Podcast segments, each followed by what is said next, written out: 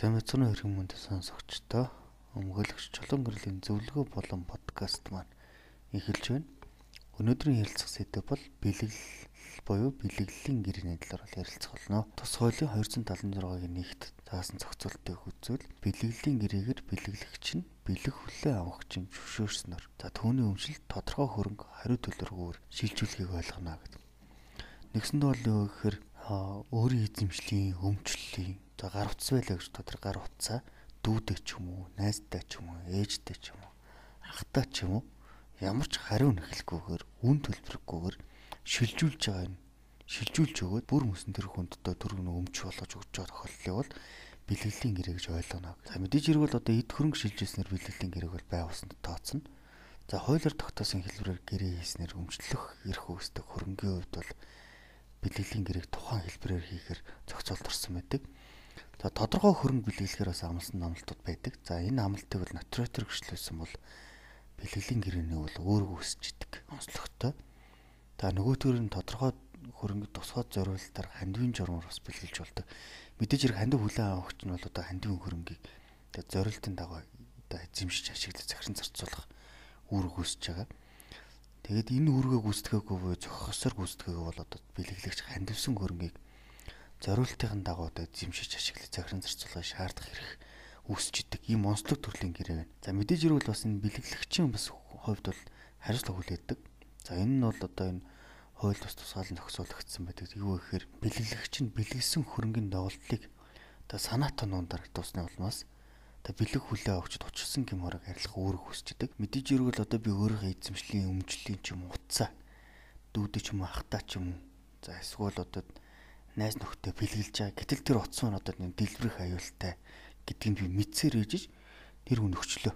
А гэтэл тэр хүн маань ашиглаж байгаад одоо дэлбэрэт ч юм уу шатаат ч юм уу одоо бие махбодд нь гим хор учирсан бол тэр гим хорыг одоо тэр бэлэглэгчийн хувьд би хариуцлага хүлээж байгаа Тэр нь бэлэглэгчийн өвлөл хариуцлагын хувьд бол одоо эд хөрөнгийн бас доголдлыг бас санаа тоноонд дарагдуулж өгч болохгүй гэдэг агуулгыг гаргаж байгаа. За мөн дэрэс нь энэ бэлгэлийн гэр бол бас тусгай зорилттой хийсэн байж болдог. За ямар нэгэн болцол хангасан эсвэл тодорхой зорилгод хүрсэн нөхцөл одоо бэлгэлийн гэрээ хүчин төгөлдөр болохоор талууд тохиролцсон байдлаар бол хийж болж байгаа. За энэ тохиолдолд бол одоо болцол буюу нөгөө тохиролцоод байгаа болцол буюу зорилго нь одоо бусдын эсвэл одоо нийтийн ашигын тусын тулд одоо зориулагдсан байж болно. Энэ тохиолдолд бол уг болцол зорилгыг гүйцэтгийг бэлэглэгч одоо болон сонирхогч одоо шаардж үлдэг. За ийм онцлог байгаа. За мэдээж хэрэг бол бас энэ бэлэг хүлээ авах одоо эрх бүхий этгээд нь гэрийн заасан одоо болцол буюу одоо зорилгыг биелүүлээг бол бэлэглэгч одоо гэрээсээ татгалзаж бас болдог. Тэр логик хувьд бол маш тодорхой ойлголт. За мөн дээрээс нь хууль өөрөөр заагааг бол одоо тусгай зорилттой гэсэн бэлгэлийн гэрээг заавал бичгээр хийхээр зохицуулт орсон байна.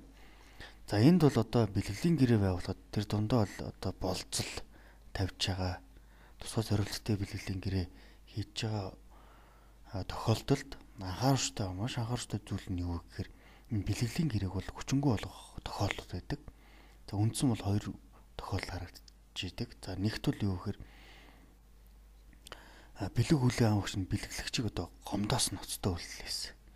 За хоёрт нь бол бэлэг хүлээ авахч нь за бэлэглэгчийн за эсвэл түүний төрөл төрөсдийн эрүүл мэнд амь насыг санаатай охируулсан буюу охирыг завдсан бол энэ хоёр үндслэр бол бэлгэлийн гэрээ хүчингү болгочдөг. За хэрвээ бэлгэлийн гэрээ хүчингү болсон бол одоо хүчингү болгосон бол бэлгэлийн зүйлийг одоо бэлэглэгчд одоо эсвэл одоо түүний өвлөгчд нь буцаа олох ийм эрх үүрэг үүсчихдээ. За нөгөө төгөр бас анхааруулж тэ нэг гэрээ хүчингү болгоод бас анхаарч зүйл нь юу гэхээр бэлэглийг хүчингү болгох шаардах хэрэг үүснээс хойш нэг жил өнгөрсөн бол бэлэглийг хүчингү болгож болдоггүй. Нэгсэнд бол одоо саяны өмнөд өрцөн хоёр хүчингү болгох үндсэл үүсээд нэг жилийн дараа гомд гаргалаа гэж бод энэ нөрөө нөгөө хүн өл цуцаа буюу эрх үүснээс хойш нэг жил өнгөрсөн хугацаа яригдах учраас бэлгэлийн гэр хүчингү болох үндсэл болдоггүй.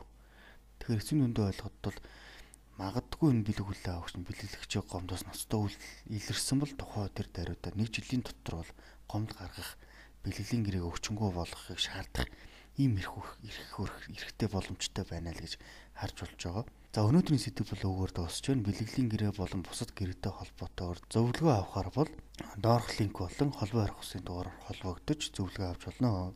Анхаарал тавьсан та бүхэнд баярлалаа.